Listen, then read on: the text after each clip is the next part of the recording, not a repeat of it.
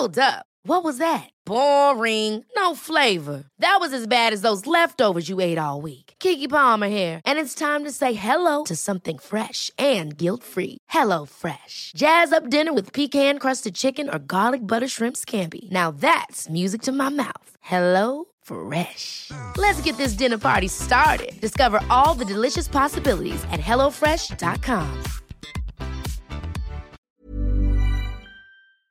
Sett av. Tving deg sjøl, lur deg sjøl. For det der med liksom å tenke at du skal sette penger på slutten av måneden, eh, når du har sett hvordan det har gått med forbruk og de faste utgiftene og sånt, det funker ikke. ass. Eller mange bruker opp det de hadde på konto til enhver tid. Da må du lure deg sjøl og sette av dette på begynnelsen av eh, avlønningsmåneden, kan du si.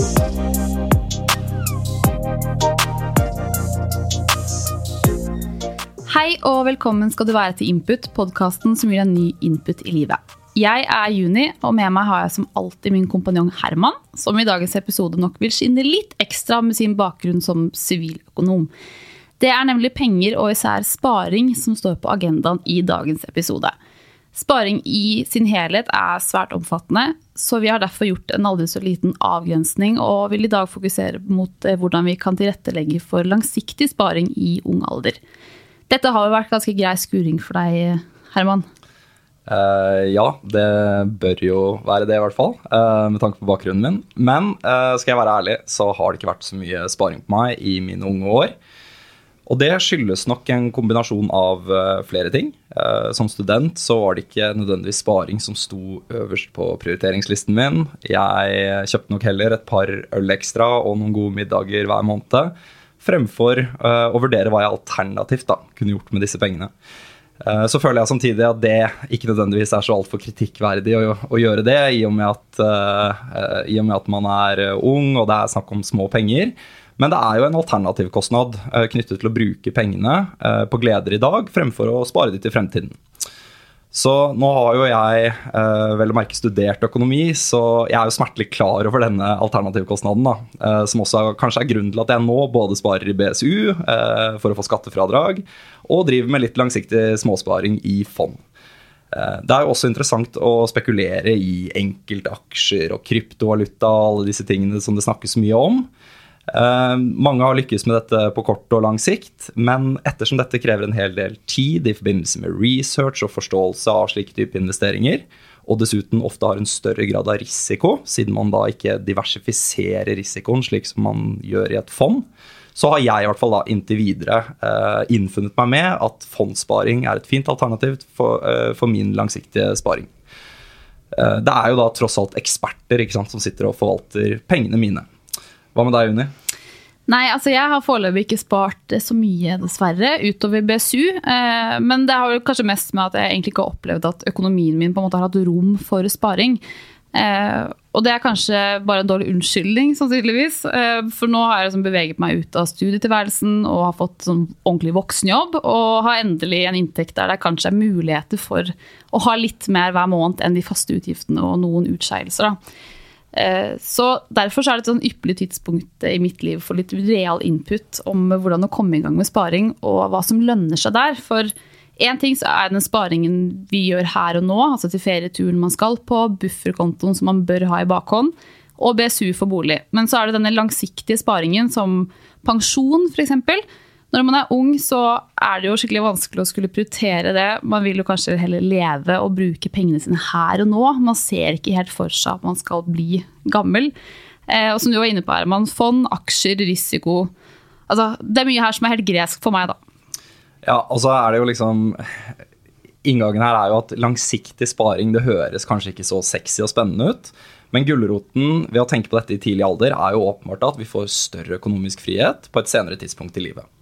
Eh, Med oss så har vi en som vil kunne hjelpe med å fastslå noen kloke grunner og tips til hvorfor og hvordan eh, å tidlig begynne sparingen. Men eh, som du var inne på i starten, så vil vi gjøre dette lett spiselig og med en del avgrensninger. Dagens input vil derfor omhandle hvordan vi kan tilrettelegge for sparing, selv om vi er tidlig i livene våre. Videre så skal vi se på hvordan vi kan spare, og ikke minst effektene sparing vi gjør i dag, har i fremtiden. Dagens gjest det er en kar som burde være en kjenning for de fleste, ettersom han stadig vekk figurerer i aviser og på TV-skjermen. Han er utdannet siviløkonom ved Norges handelshøyskole, og har i sin yrkeskarriere blitt en ekspert på privatøkonomi. Han formidler økonomiske tips, råd og informasjon knyttet til bl.a. sparing og skatt i fleng, både som journalist og forfatter. Den jevne nordmann ble nok først virkelig kjent med han gjennom TV-programmet Luksusfellen, som ble lansert for første gang allerede tilbake i 2008. Utover dette så tilbyr han ulike foredrag knyttet til privatøkonomi, men gir også gratis råd innen dette feltet gjennom sin blogg Pengeverkstedet og som vert for podkasten Pengerådet. Nylig startet han også selskapet og nettsiden Inkassoregisteret, som tar sikte på å hjelpe nordmenn med å løse gjeldsproblemer ved å gi oversikt og kontroll over inkassogjeld og annen gjeld. Det er altså mye som vitner om at dagens gjest har et brennende engasjement for å hjelpe nordmenn til å bedre sine økonomiske vaner. Vi gleder oss derfor stort over å få hans aller beste tips om sparing her på Input. Velkommen, Hallgeir Kvatsheim! Tusen takk. tusen takk. Veldig kjekt å være her. Tusen takk. Veldig kjekt å være her. Veldig hyggelig å ha deg her. Ja, Vi, har jo, liksom, vi føler jo at vi kjenner deg gjennom å ha sittet, og, sittet i sofaen og sett på Luksusfellen og alle andre ting du har vært med på opp igjennom. Nå har jeg er jo- gått og kjefta på folk. ja, ja, ja. ja. Stått der med den der tavla, disse tusenlappene og 500-lappene. da. Så det er litt gøy å si at du sitter her sammen med oss nå. Ja, Skal ikke kjefte i dag, altså. Nei, Det skal være hyggelig. Det er. Det hyggelig. Ja, du, jeg må si, jeg leste jo at du ikke helt føler at eh, sånn du er fremst, fremstilles eh, i sånn som Luksusfellen, kanskje helt samsvarer med det du opplever deg selv som. Nei, altså nå, nå fremstilles jeg jo ikke på en annen måte enn det jeg er når jeg er han programlederen i Luksusfellen. Altså Jeg er meg sjøl, fordi at jeg, jeg har jo et brennende ønske om å hjelpe de deltakerne som jeg faktisk er inne for å hjelpe. Mm. Og da blir jeg jo, da går jeg jo fullstendig inn i den der rollen. og og blir av og til litt uh, sint på de, og, og, og samtidig veldig glad når de, når de får ting til. Ja. Uh, så, så det er jo ikke Det er for så vidt ikke noe som, uh, som eh, regissøren eller noe sånt noe gjør meg til. Det er bare det at eh, når jeg da trer ut av det, altså når jeg slutter, når jeg ikke er eh, Ikke de dagene ikke jeg er på tak, så er jeg jo eh, bare Da har jeg et helt annet gemytt, kan du si. Ja. Det er i hvert fall sånn vi opplever det her i dag Ja. også. Ja, det må jeg si. Jeg, jeg, som jeg så vidt touchet innom her, i- Inkassoregisteret, det er nyeste, nyeste oppstarten din, er det det? Ja, det er det. Jeg har hatt et par uh, startup-selskaper. Det er mest det jeg jobber, eller vi jobber med nå. Det, det gjør jeg som med fire andre, men i hovedsak da mm, blant annet meg og Lene Drange, som er min, også min medprogramleder i Luksusfellen. Vi Ja. så rett og slett at det var et stort behov for å for å skaffe folk oversikt over inkassosakene sine. For i dag så kan du logge deg inn ganske enkelt på gjeldsregisteret og få oversikt over kredittkortgjeld, usikra lån, altså Klarna-kontoen din og hva du skylder der. Men alle inkassosaker, altså alle typer ubetalte regninger, det, det ligger og flyter. Mm. For, for mange, da. Og hvis du skal få oversikten, så må du inn i kontakt av 78 ulike inkassoselskap i Norge i dag. Det fins ingen samlet oversikt. Så det er det vi prøver å lage. rett og slett at Du skal logge deg inn med BankID, og så få den eh, fulle oversikten over, over hele de, din, de ubetalte sakene dine, din gjeld. Altså Uansett om du har 0, 1 eller 30 saker, så tror vi dette er nyttig. Og så skal det være gratis for privatpersoner. Og så skal vi heller ta betalt fra de profesjonelle rådgiverne som skal bruke dette når de skal, skal hjelpe folk. Ja. Det hørtes ikke- jo helt prima ut. Jeg håper det. Ja. Høres ut som en god idé. Ja, Vi skal go, go live nå eh, sannsynligvis nesten måned. Ja, Kjempespennende. Eh, når vi eh, sparker i gang med gjestene våre, så pleier vi ofte å be om litt sånn input om uh, de som vi sitter og snakker med. Eh, vi kjenner deg jo alle fra Luksusfellen, så jeg tenker litt mer sånn Kanskje hva, hva er bakgrunnen din inn i eh, livet, og hva er, hvor er det interessen din for eh, privatøkonomi stammer fra, tror du?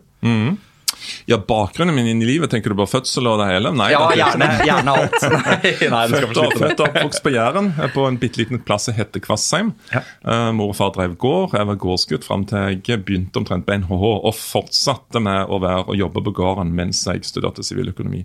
Så jeg hadde sikkert litt bedre råd og sånn sett enn mange andre av mine medstudenter, for jeg hadde alltid en jobb å gå til når jeg reiste tilbake. Så, um, så jeg jobba mye på gården. Og du kan si at det var litt av altså Jeg tror litt av interessen for økonomi også starta ved det. Altså fordi jeg så jo veldig sånn fort de konkrete grepene som både mor og far gjorde. uh, hva det førte til. Altså Noe så, så prosaisk holdt jeg på å si, med at det er når de sådde jorda, så, så så spirte det jo, og så fikk de jo uh, høsta noe som de faktisk fikk penger for. Ikke sant? Og det, og det var jo veldig målbart. Uh, og, og det, det, har jeg likt ever after. Altså, ja jeg har liksom ikke jobba i, for i store konsulentselskap, uh, som mange av mine medstudenter har gjort. Uh, fordi, litt også fordi at denne følelsen av at du jobber med et prosjekt i kanskje et år, to, tre, fire, og så leverer du noe til ledelsen, og så bare type Ja, fint, flott, men akkurat nå har vi en annen strategi, så vi kommer ikke til å bruke de rådene dine. Det har vært litt sånn Jeg vil ikke der. Hvis du skjønner. Altså, Jeg vil gjerne ha noe målbart her og nå. Ja. Det var litt av grunnen tror jeg, til jeg begynte med i hvert fall privatøkonomi i mitt uh, i mitt yrkesvalg, da. Mm. Uh, mens økonomi var noe som interesserte meg fra nesten litt for tidlig. Sånn. jeg dro med mor mi da jeg var 15 år til den lokale banken for å kjøpe aksjer. og sånt, altså fordi at hun måtte jo signere på, på, på, på ting som uh, Ja, Det var så tidlig? Ja, det var såpass tidlig. ja, ja, ja. Signere på fullmakt osv. Og, og, og kjøpte og solgte til meg altså, husdyr. ikke sant? Og, og, og, og sto nede på, på riksveien og solgte gulrøtter. Så altså, det var litt sånn, jeg, Han har alltid vært litt sånn kremmer av meg. og, og, og det har jo kanskje i større grad blomstre også de siste årene med, med for så vidt et par av disse startup-selskapene. Eh, hva tenker du om at vi skal snakke om sparing her i dag til våre lyttere, og hva, eh, hvorfor mener du sparing er så viktig å fokusere på? Jeg syns jo, jo, sparing er veldig gøy, fordi at um, jeg snakker jo altså kan du si at ja, jeg er nok mest kjent gjennom Luksusfellen, som handler veldig mye om Det handler også om sparing, ikke sant? men det handler mest om å bli kvitt dårlige vaner og, og fæl, dyr gjeld. Mm. Uh, men uh, kanskje 80-90% av tida så, så, snakker jeg jo om og skriver om å holde foredrag og, og lage selskap som på en måte uh, hjelpe folk med OK økonomi. Eller helt mm. vanlig økonomi, som mm. skal heller spare istedenfor å betale ned dyr forbruksgjeld. Så, så, derfor syns jeg det også er fint å, å snakke om det. Um, og sparing gjør, men, gjør en jo Altså Mange føler jo at sparing kan være litt sånn tvangstrøye. Det er noe du må gjennom. Men, men, men målet iallfall med det jeg gjør, og det som jeg ser sparing kan føre til, at du blir mer fri. Altså, ikke sant? Får du oppfylt en del av disse sparemålene dine, så blir du et mer fritt menneske, rett og slett. Og du trenger ikke nødvendigvis da ta, ta, øh, ta den der kanskje dårlig betalte jobben eller den jobben som gjør at du må være lengst mulig vekke fra, fra ungene dine eller, eller, kjæresten din, eller hvem det skal være.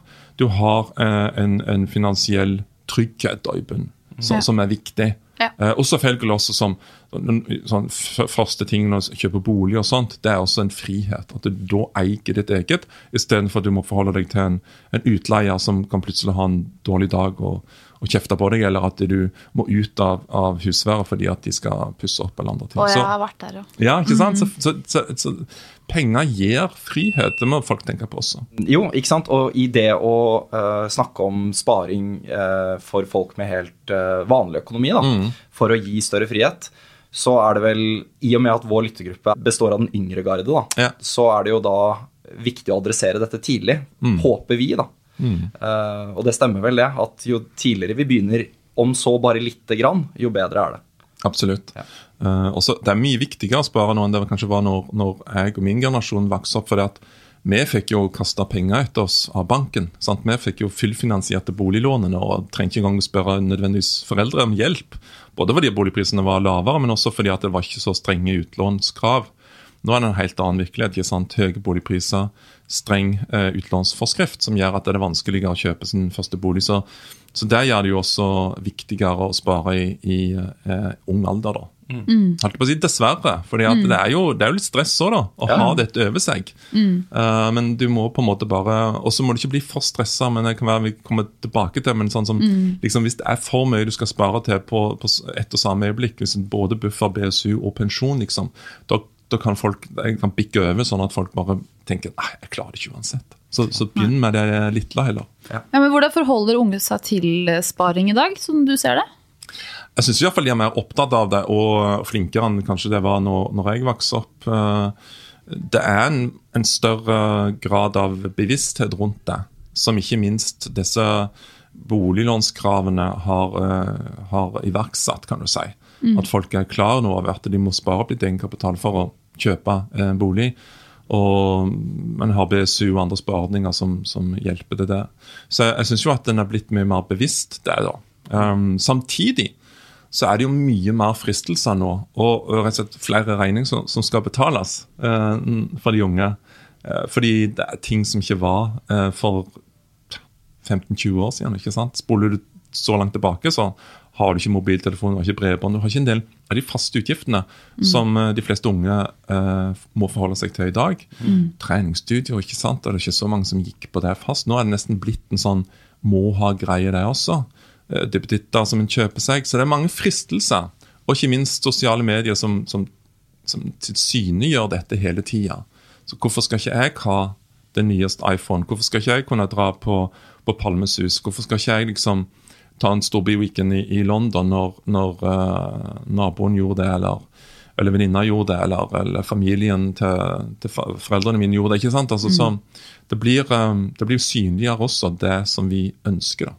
Og det er fryktelig lett også å handle for andres penger. Altså ja, Hvor lett det er å få altså Selv jeg som har 15 år vært student og ikke har hatt høy inntekt, jeg har fått innvilget eh, kredittkort, jeg. Og mm. man kan handle på Klarna. Altså, ja. Klarna er jo det letteste. Ja. Altså, det er jo så enkelt. Det det. Men så sitter man der på slutten av måneden og, ja, og, og samles opp en liten De er så snille, vet du. Det skal jo bare samle seg opp litt, så skal du betale, så får du betalingsutsettelse. Men hvis du er virkelig hvis du virkelig ikke klarer å betale, så skal jeg love deg at inkassoselskapene bak Klarna og Klarna sjøl de, de, er ikke så snille, sa du. Det er det de tjener penger på. Ja, det er det de tjener penger på. Mm. Så, så, det er en felle å gå i. Eh, ja. Før så var det på en måte, og det er det fortsatt òg, kredittkortfeller, men nå er det litt sånn Klarna-fellen og, mm. og utsett betalingsfellen som en passer på. Mm. Hvorfor eh, tenker du at vi bør spare, da? Altså, er det for å legge oss opp en sikkerhetsbuffer, eller er det for å pensjonere oss og ha god råd eh, når vi kommer så langt? Ja, Begge deler. Ja. Du må bare liksom, du må ta det i rekkefølge, tenker jeg. Før du blir 30, ikke tenk for mye på pensjon, Nei. tenker jeg da.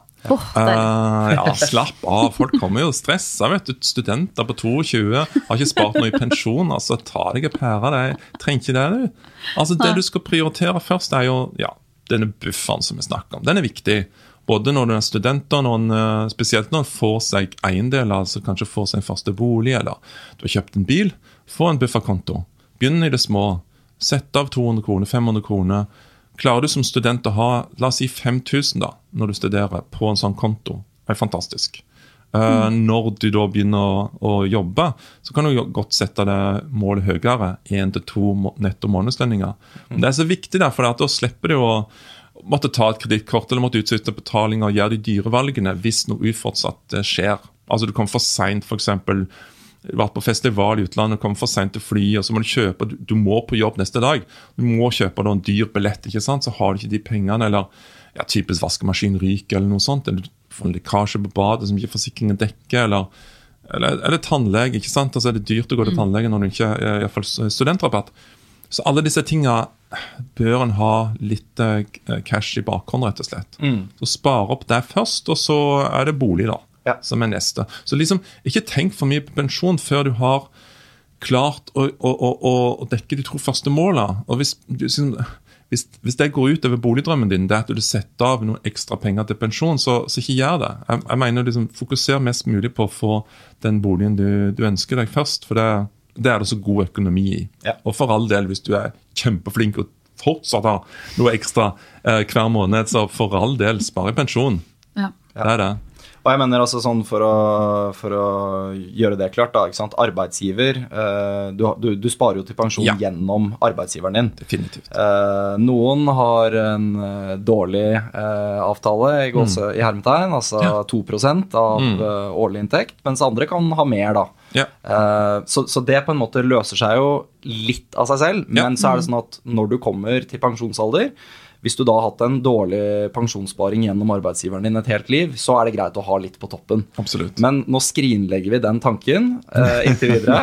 og så sier vi at eh, grunnen til at vi sparer, det er gjerne for å ha litt buffer. Og ja. om du da har den bufferen eh, gjennom å spare i fond eller hvordan enn du velger å spare, som vi skal komme tilbake til, mm. det er liksom ett fett. poeng er at det er fint å ha en buffer, og du nevnte i stad Sa du to til tre netto månedsinntekter? Ja, jeg sier ofte én til to. Det er noen som sier det to til tre. Det syns jeg tar i litt for mye, altså. Men det, det avhenger litt også av hvor mye du eier. Altså klart at har, du, har du både egen bolig, eh, har du bil, eh, kanskje hytte Iallfall liksom, du har litt mer, så trenger du større bufferkapital også, fordi at da har du mer uforutsatte utgifter som kan skje med disse tingene du eier, da.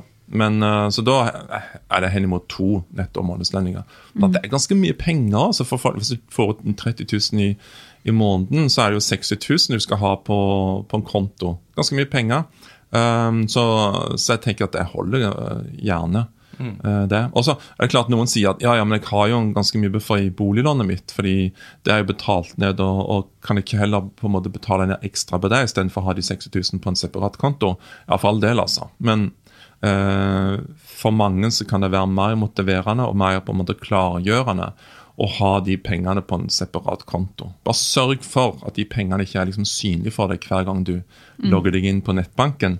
Og, og, sant? Da kan et godt tips være å kanskje spare i en annen bank enn det du vanligvis uh, bruker uh, på, som mobilbank. For da har du liksom kontoen separat ifra der du logger deg inn hver dag. Jeg synes det også er litt fint å skille mellom f.eks. buffer også og boligsparing. fordi det er jo et eller annet med at det er jo et ganske enormt stress og press nå på at man skal eie egen bolig i veldig ung alder. Altså det er et eller annet med, Jeg er jo 25 år og føler på at jeg burde ha eid en bolig da jeg var 20. Og jeg tenker det er jo et litt sånn urealistisk krav man setter til seg selv som så ung, da, sånn jeg ser det. Ja. Så det der å kanskje begynne altså tenke at Begynn med en buffer, liksom. Altså sånn, og så selvfølgelig, bolig er dødsbra, men det er jo ganske lang vei dit, da, altså sparemessig. Ja, Ja, Så setter liksom kravene litt, litt lave til seg selv i starten, i hvert fall. ja, absolutt. Ja. Det er godt råd. Um, når eh, vi skal eh, oppfordre til å begynne tidlig sparing, da, Ja. så er det jo litt sånn relevant å tenke på hvor tidlig bør vi begynne, Mm. og hva er realistisk hvis vi skal begynne tidlig. Ja.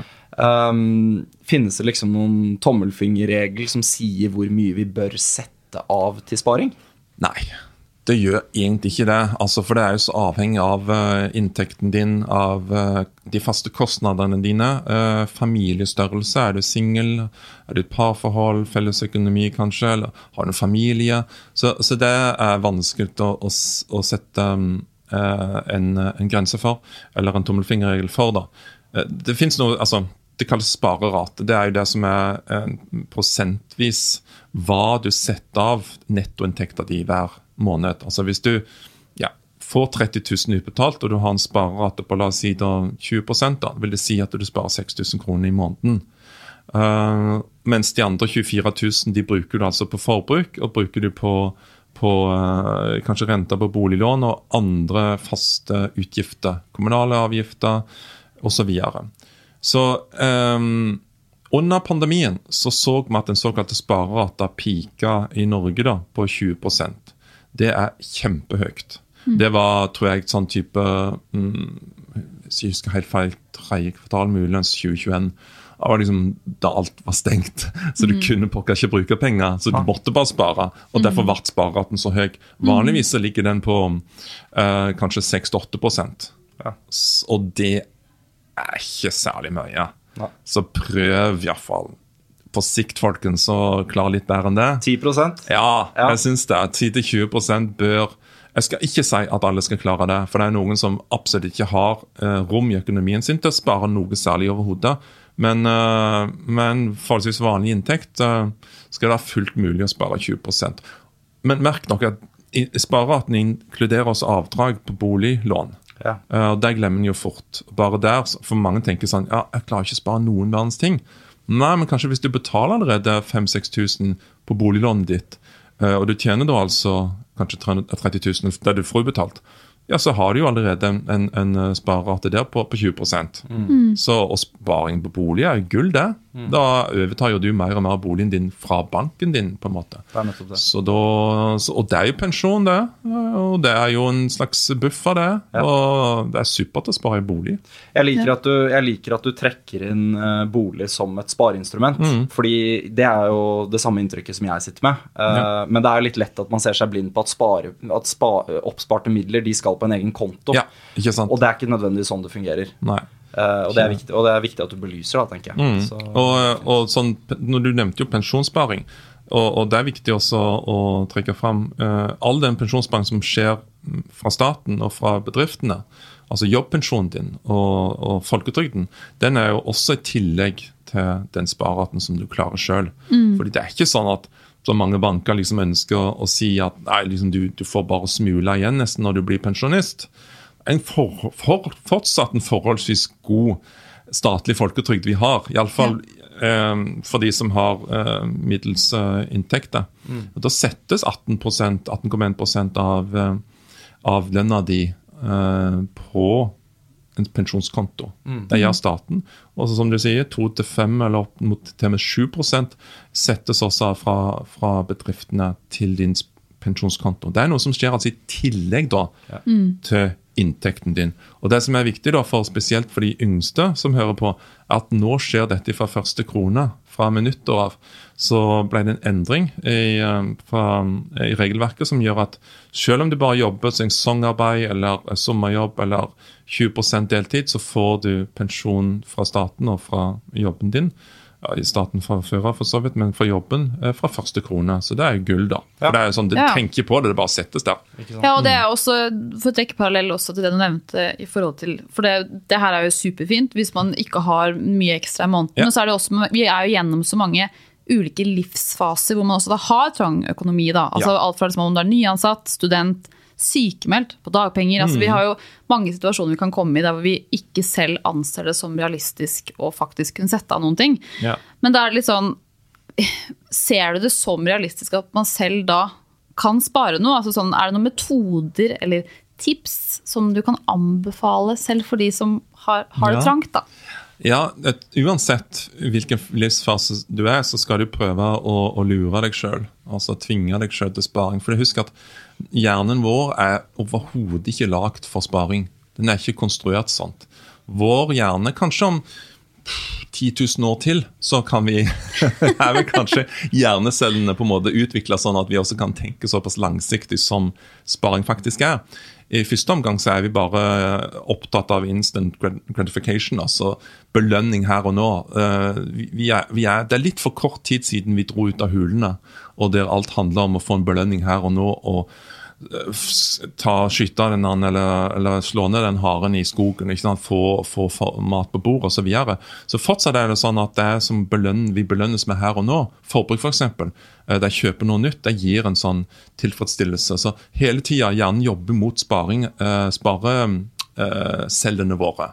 Det er godt du sier det. Ja, så du, du er ikke alene. Eh, naturen eh, tilsier ikke pensjonssparing altså i hodet vårt. Så du må lure deg sjøl. Og måten du gjør det på, for eksempel, Du setter bare trekk da, eh, samme dagen, kanskje dagen etter du har fått lønning. på Begynn med en hundrelapp eller to, eller alt dette som økonomien din er. For, ikke sant? Altså, eh, etter hvert du kan øke, eller kanskje du kan sette den på 2000 hvis du har litt mer romslig økonomi. 5000, hva vet jeg. Fast fra kontoen din over på eh, en sparekonto og eller fondskonto, eller fondskonto eller aksjesparekonto. Alt dette hvor langsiktig det er. Så gjør det automatisk.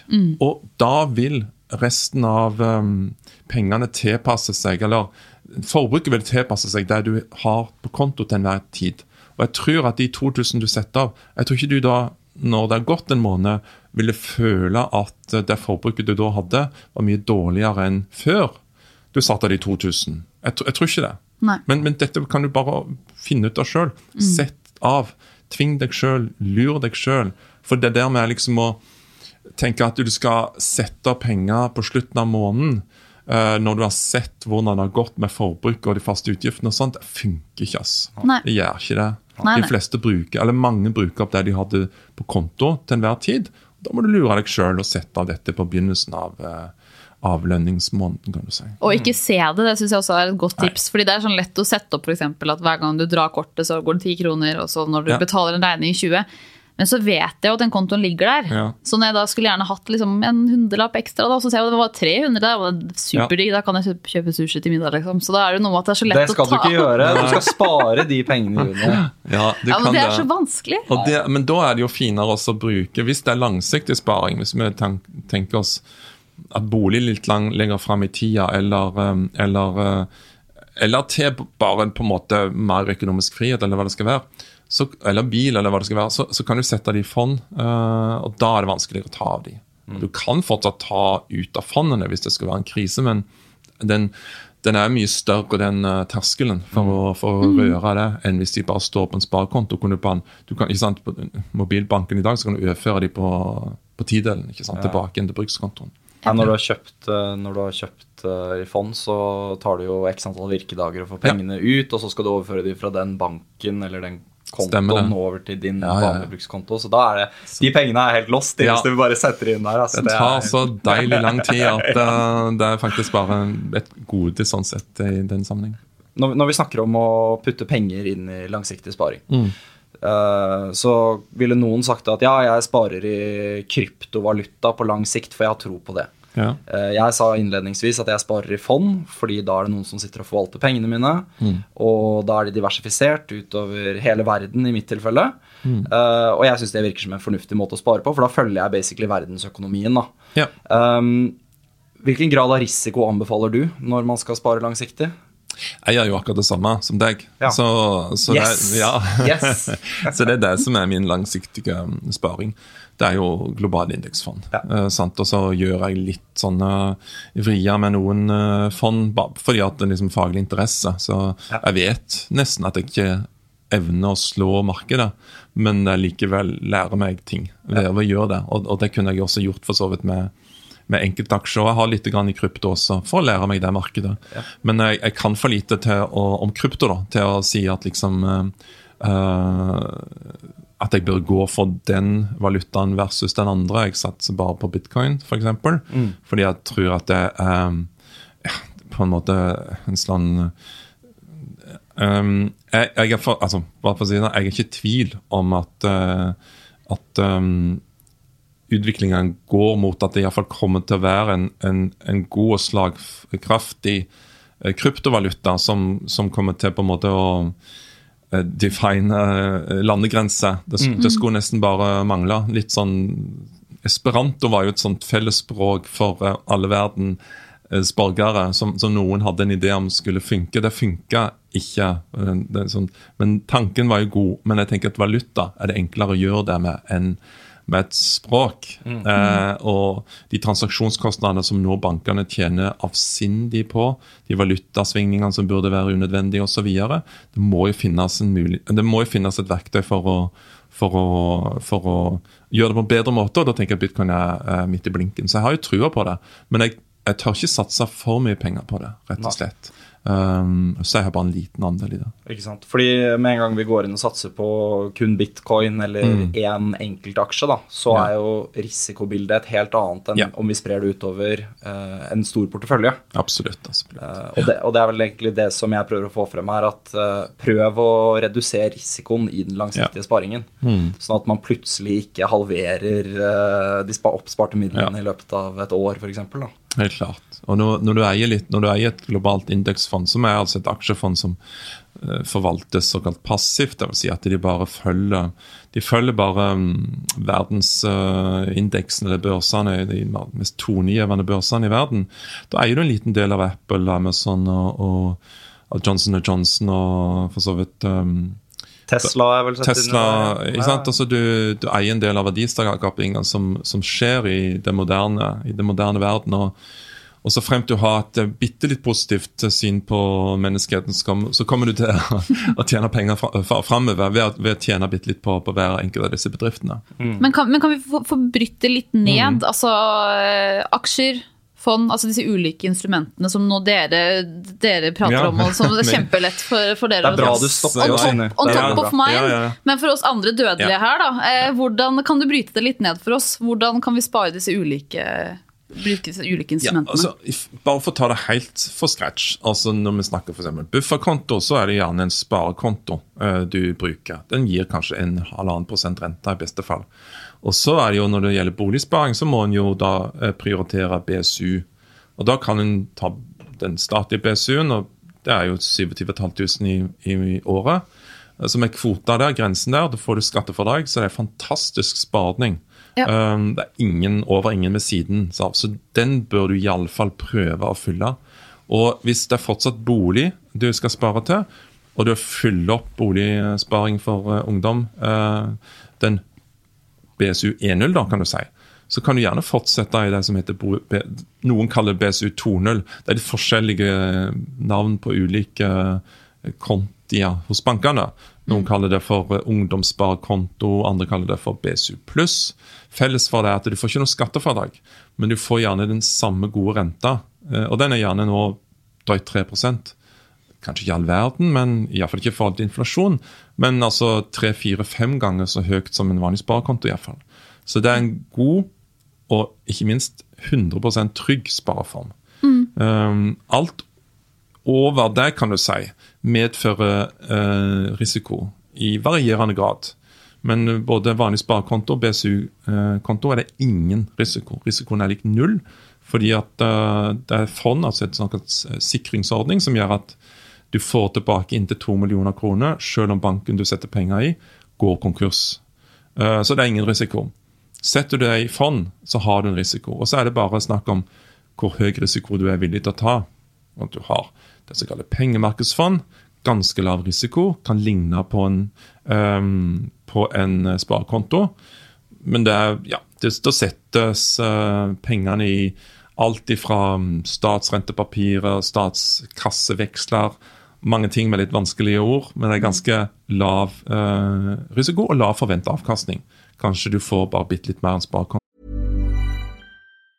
Ever catch yourself eating the same flavorless dinner three days in a row?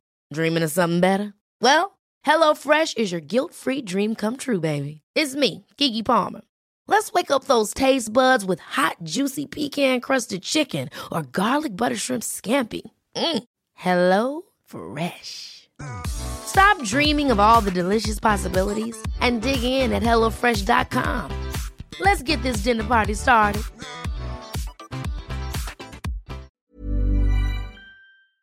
Og risiko handler også da, bare for å bryte det ned, så handler Ja. det bare rett og slett om at risikoen for at du skal tape Ja. penger. Svingninger, rett og slett. Risiko er jo egentlig definert som altså Matematisk så, så kan vi jo snakke mye om hvordan det er definert, men det handler jo mest om i hvor stor grad pengene dine, eller verdien på pengene dine svinger. At de en dag f.eks. går ned 10% en annen dag går opp 20% altså i, i de verste tilfellene. Uh, det skjer jo ikke med en bankkonto. Da er det, da er det 1% rente, uansett om det er mandag, tirsdag eller, eller det er børskrakk. Rentene er nokså like, iallfall fra en uke til en uke, selv om det er noen variasjoner hvis, det, hvis sentralbanken setter opp og ned renta. Så den er liksom veldig linær og forutsigbar.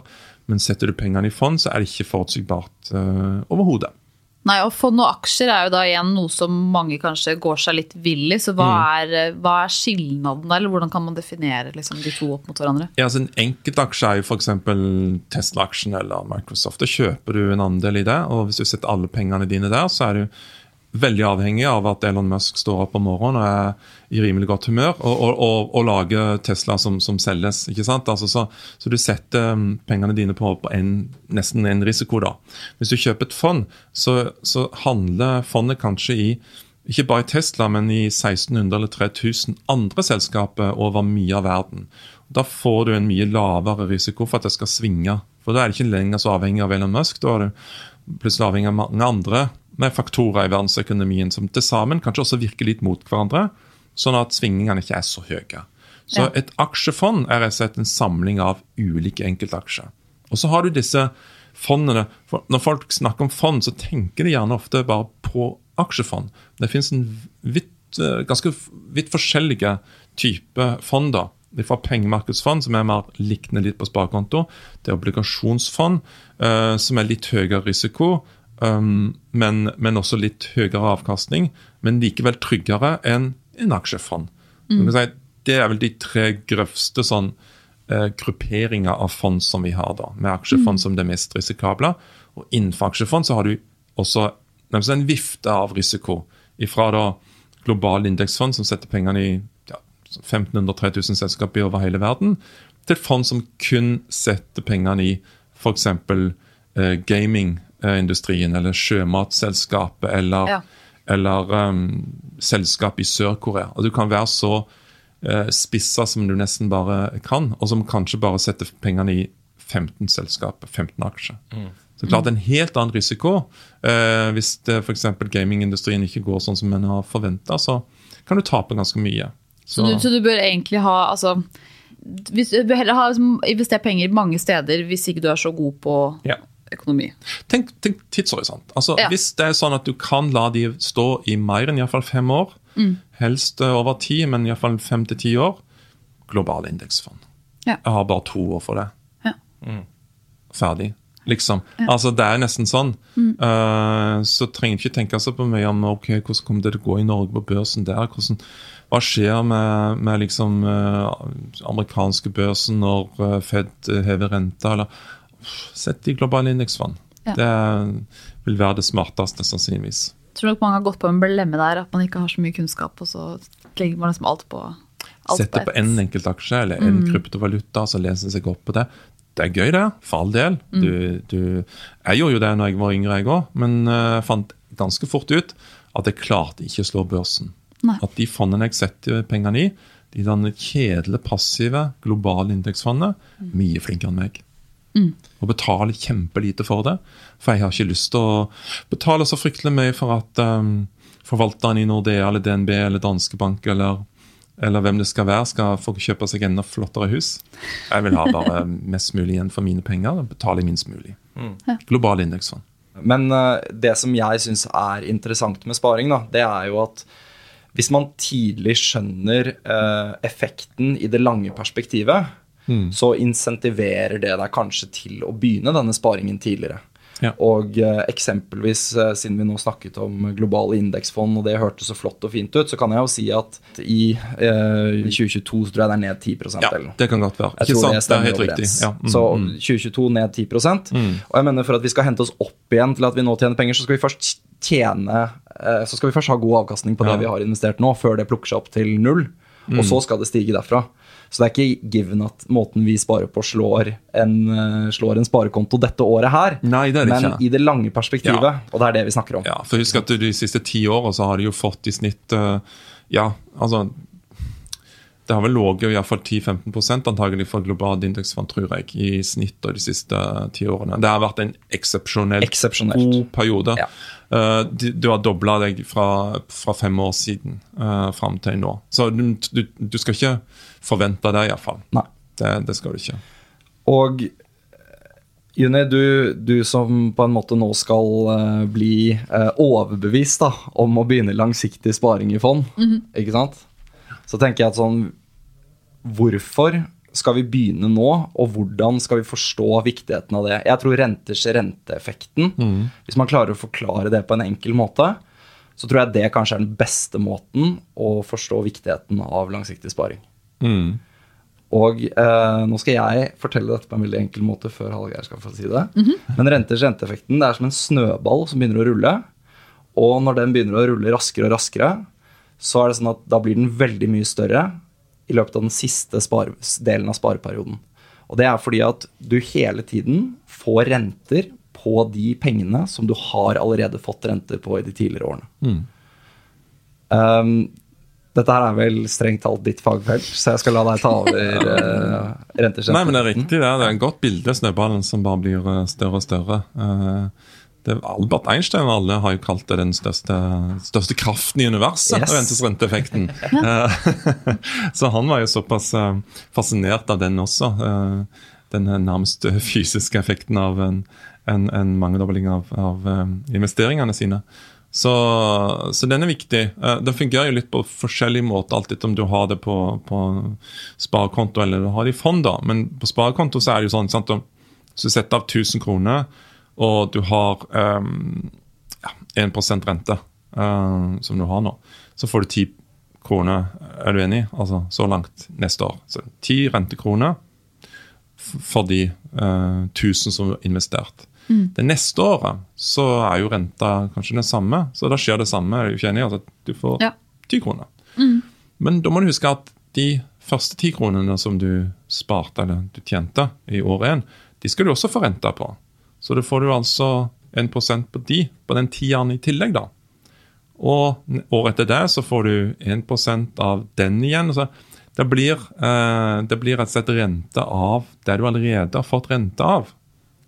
Og Dess lenger, dess, dess, dess lenger du sparer, dess, dess større blir på en måte den multiplen da.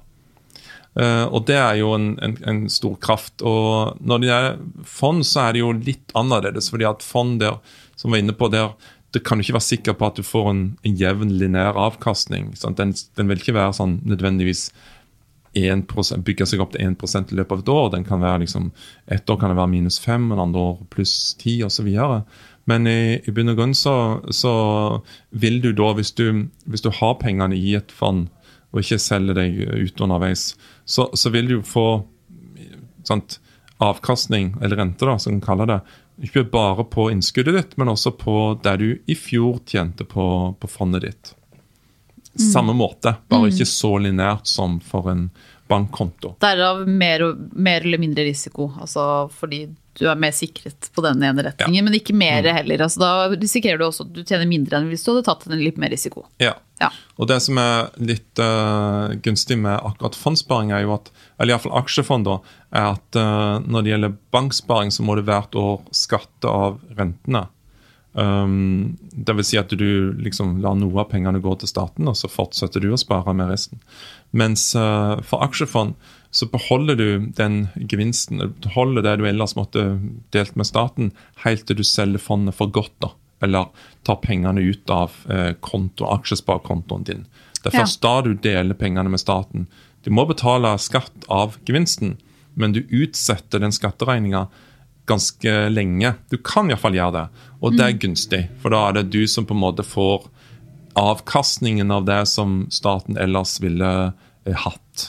Så det er en sånn slags utsatt uh, skatteeffekt, som de kaller det.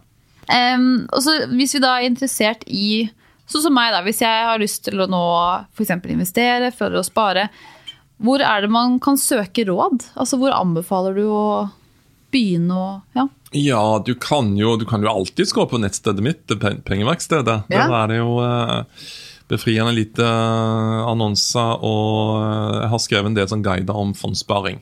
Men um, du kan si gjør det enkelt. Altså Mange tenker at det å begynne å spare i fond er så komplisert, jeg må sette opp noen konto, bla, bla. Nei, de fleste banker har gjort det relativt enkelt. Eh, Det er liksom klikk på fond, klikk på sparing, sett i gang her, trykk på den knappen, og så blir du leda gjennom.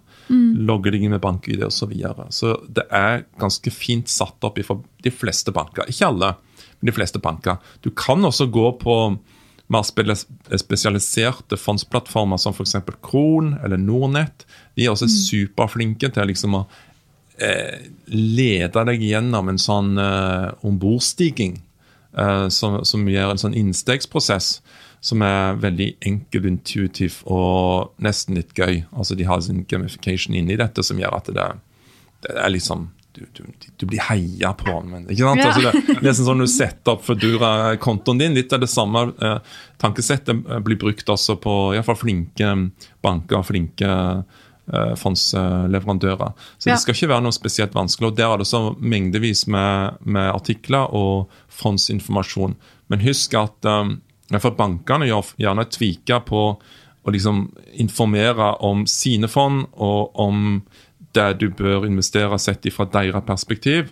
Så du kan finne litt mer uh, nøytral informasjon hvis du går på type dine penger, eller Nordnett er jo også flinkere på dette, og Kroner for så vidt, for de, har, de, de tilbyr veldig mye forskjellige fond. Da er det ikke så viktig akkurat hvilket fond du velger. De skal gjøre deg å si, mest mulig fornøyd som, som totalkunde. Mm. Der er det veldig mye god informasjon å hente. Så, um, så begynn der. og Hvis du skal gå virkelig inn i materien, så finnes det jo sånn eh, analyseverktøy som morningstar.no. Hvis du ønsker virkelig å se på ok, hva er det fondet mitt investerer i, hvordan har de gjort det de siste årene. Dette kan du også finne hos Nordnett, eksempelvis også, sånn statistikk.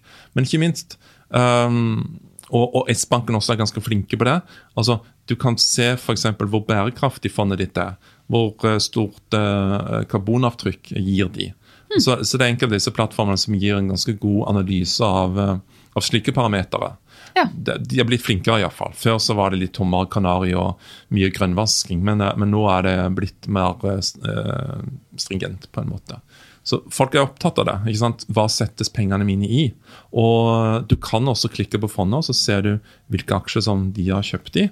Eh, og Spesielt for en del sånn mindre spissa fond så kan det være lurt, fordi at plutselig så finner du noe du overhodet ikke er interessert i. Altså, plutselig finner du Hvis du ikke er interessert i at det skal settes i ja, um, hva vet jeg, altså våpenprodusenter eller alkoholprodusenter eller mm, Ja, så kan du skrine aksjeporteføljen din um, og, og, se hva du har.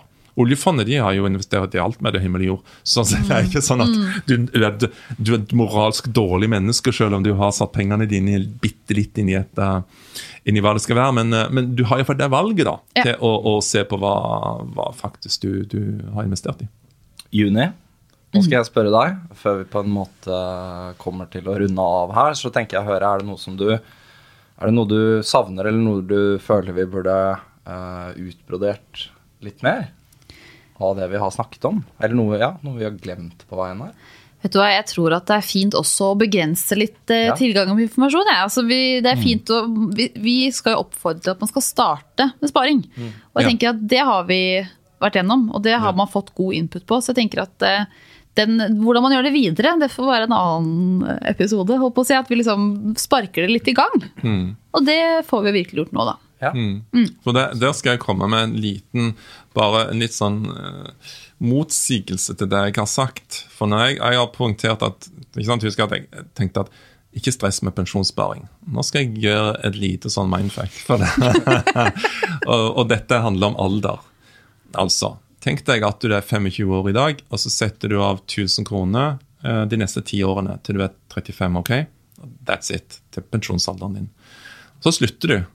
Du har satt i 1000 kroner hver måned i et aksjefond, og så slutter du når du er 35 år. Ok? Eh, så er det en annen som eh, ikke begynner å spare før han er, eller hun er 35 år, men sparer mye lenger. Sparer i 30 år. Til hen blir 65. Så, hun er med? 1000 mm. kroner hvert eneste år i da 30 år til blir 65. Og de to ser, når de da blir 65, hvem er det som har spart mest? Sånn Intuitivt så tenker vel kanskje de fleste at det er den siste. Den som begynte riktignok litt seint, når den var 35, men sparte i 30 år. Versus den eh, første som bare sparte i 10. Men de står akkurat likt. Ja. Og Det sier noe om som vi har vært inne på rentes renteeffekten, hvor viktig det er å begynne tidlig og la da eh, sparepengene jobbe for deg, i et fond, altså. For I begge tilfeller så har vi altså et aksjefond som driver og, og, og, og har, eh, forvalter de pengene helt til du blir 65 og, kanskje pensjonist. Mm. Så det er jo en selvmotsigelse da til, til Kvartsheim når, når, han sier at du skal slappe av litt da med denne sparinga når du er tidlig. Mm. Uh, men, men, jeg tenker jo bare at du må jo prioritere også. Uh, og jeg tenker bolig kanskje er det viktigste å prioritere.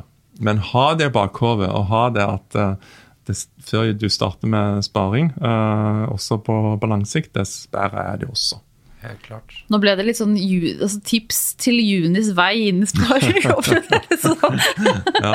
Jeg skal i hvert fall fortsette med den BSU-en, tenker jeg, sånn ja, i første omgang. At den skal uh, få lov til å blomstre litt før jeg skal uh, ja. hive meg ut i noe annet. Da har du Blir det 20 dønn sikker rente i året i form av skattefradrag? Er det 10 Ja, ja. Får... det blir vel, vel så det. fordi ja. du får jo også god rente på de, 3-4% Så det gjør jo fantastisk. Det er, jo ingen, det er jo ikke mulig å få en så god risiko, risikofri uh, avkastning som BSU-sparingen. Så det er supert. Det er 20 skattefradrag ja. mm, for innskuddet per år, så det er supert. Vi uh, har jo fått veldig mange gode tips på veien her, syns jeg. Mm -hmm. uh, mye konkret og bra, og håndfast. Um, hvis vi skal oppsummere det vi har snakket om i dag, da, ned til hvordan vi kan begynne med sparing, eh, hvordan vi bør tenke rundt langsiktig sparing, og hvor, hvor vi bør plassere pengene våre. Eh, har du liksom en måte å oppsummere det på en, sånn, på en kort og presis måte? Ja, jeg vet ikke. Altså, du Først tenker jeg viktig å lure deg sjøl. Sette av disse pengene rett etter lønning. Gjør det hver måned. Uh, gjør det enkelt. Um, du finner ganske fine veivisere i banken din eller i fondsplattformene. Og, uh, og gå for globale indeksfond når det er altså snakk om langsiktig sparing. Men uh, husk de først, først i de to B-ene, bufferkonto og BSU.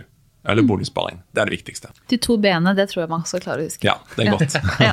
Det er en ting. Men det er så viktig òg. Det er ingen i Luksusfellen som har eh, hatt en bufferkonto av deltakerne. Nei. jeg. Så hvis du unngår det hvis det er liksom en ting du vet iallfall, det er ikke sånn du nødvendigvis unngår Luksusfellen bare fordi du har en bufferkonto, men det er ganske mye verre å komme inn i programmet vårt hvis du faktisk har satt av en bufferkonto. Og kanskje det denne episoden her skulle hjelpe til med nettopp at vi skal liksom begynne ut i andre enden. Ja. Altså hva du kan gjøre for å ikke havne der. Da Ja. starter vi med sparing. Start med bufferkonto. Stemmer det. Så er man iallfall på glid. Ja. Ja. Tusen takk for eh, besøket, Hallgeir. Bare hyggelig. Og eh, ikke minst tusen takk for at du klarte å gjøre dagens tema til en spennende input-episode. Hyggelig. Eh, Det er jo tross alt en erkjennelse for oss, og garantert for mange andre, at langsiktig sparing kanskje ikke er det hotteste av det hotte. Men vi håper vi har fått presisert viktigheten av det, og at vi bør vie litt oppmerksom til det på veien. Ja. Og så håper vi også at du som hørte på, lærte noe nytt, i likhet med oss, eller og især meg. Eller at vi i hvert fall har liksom klart å motivere deg til å finne liksom indre onkel Skrue. Da. Det er liksom hovedmisjonen vår i, i dag. Da.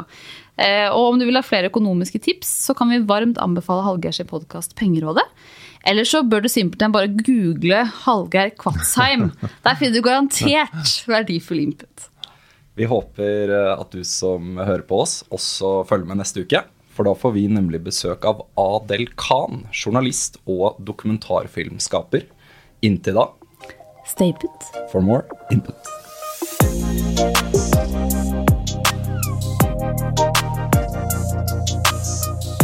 eccentric people.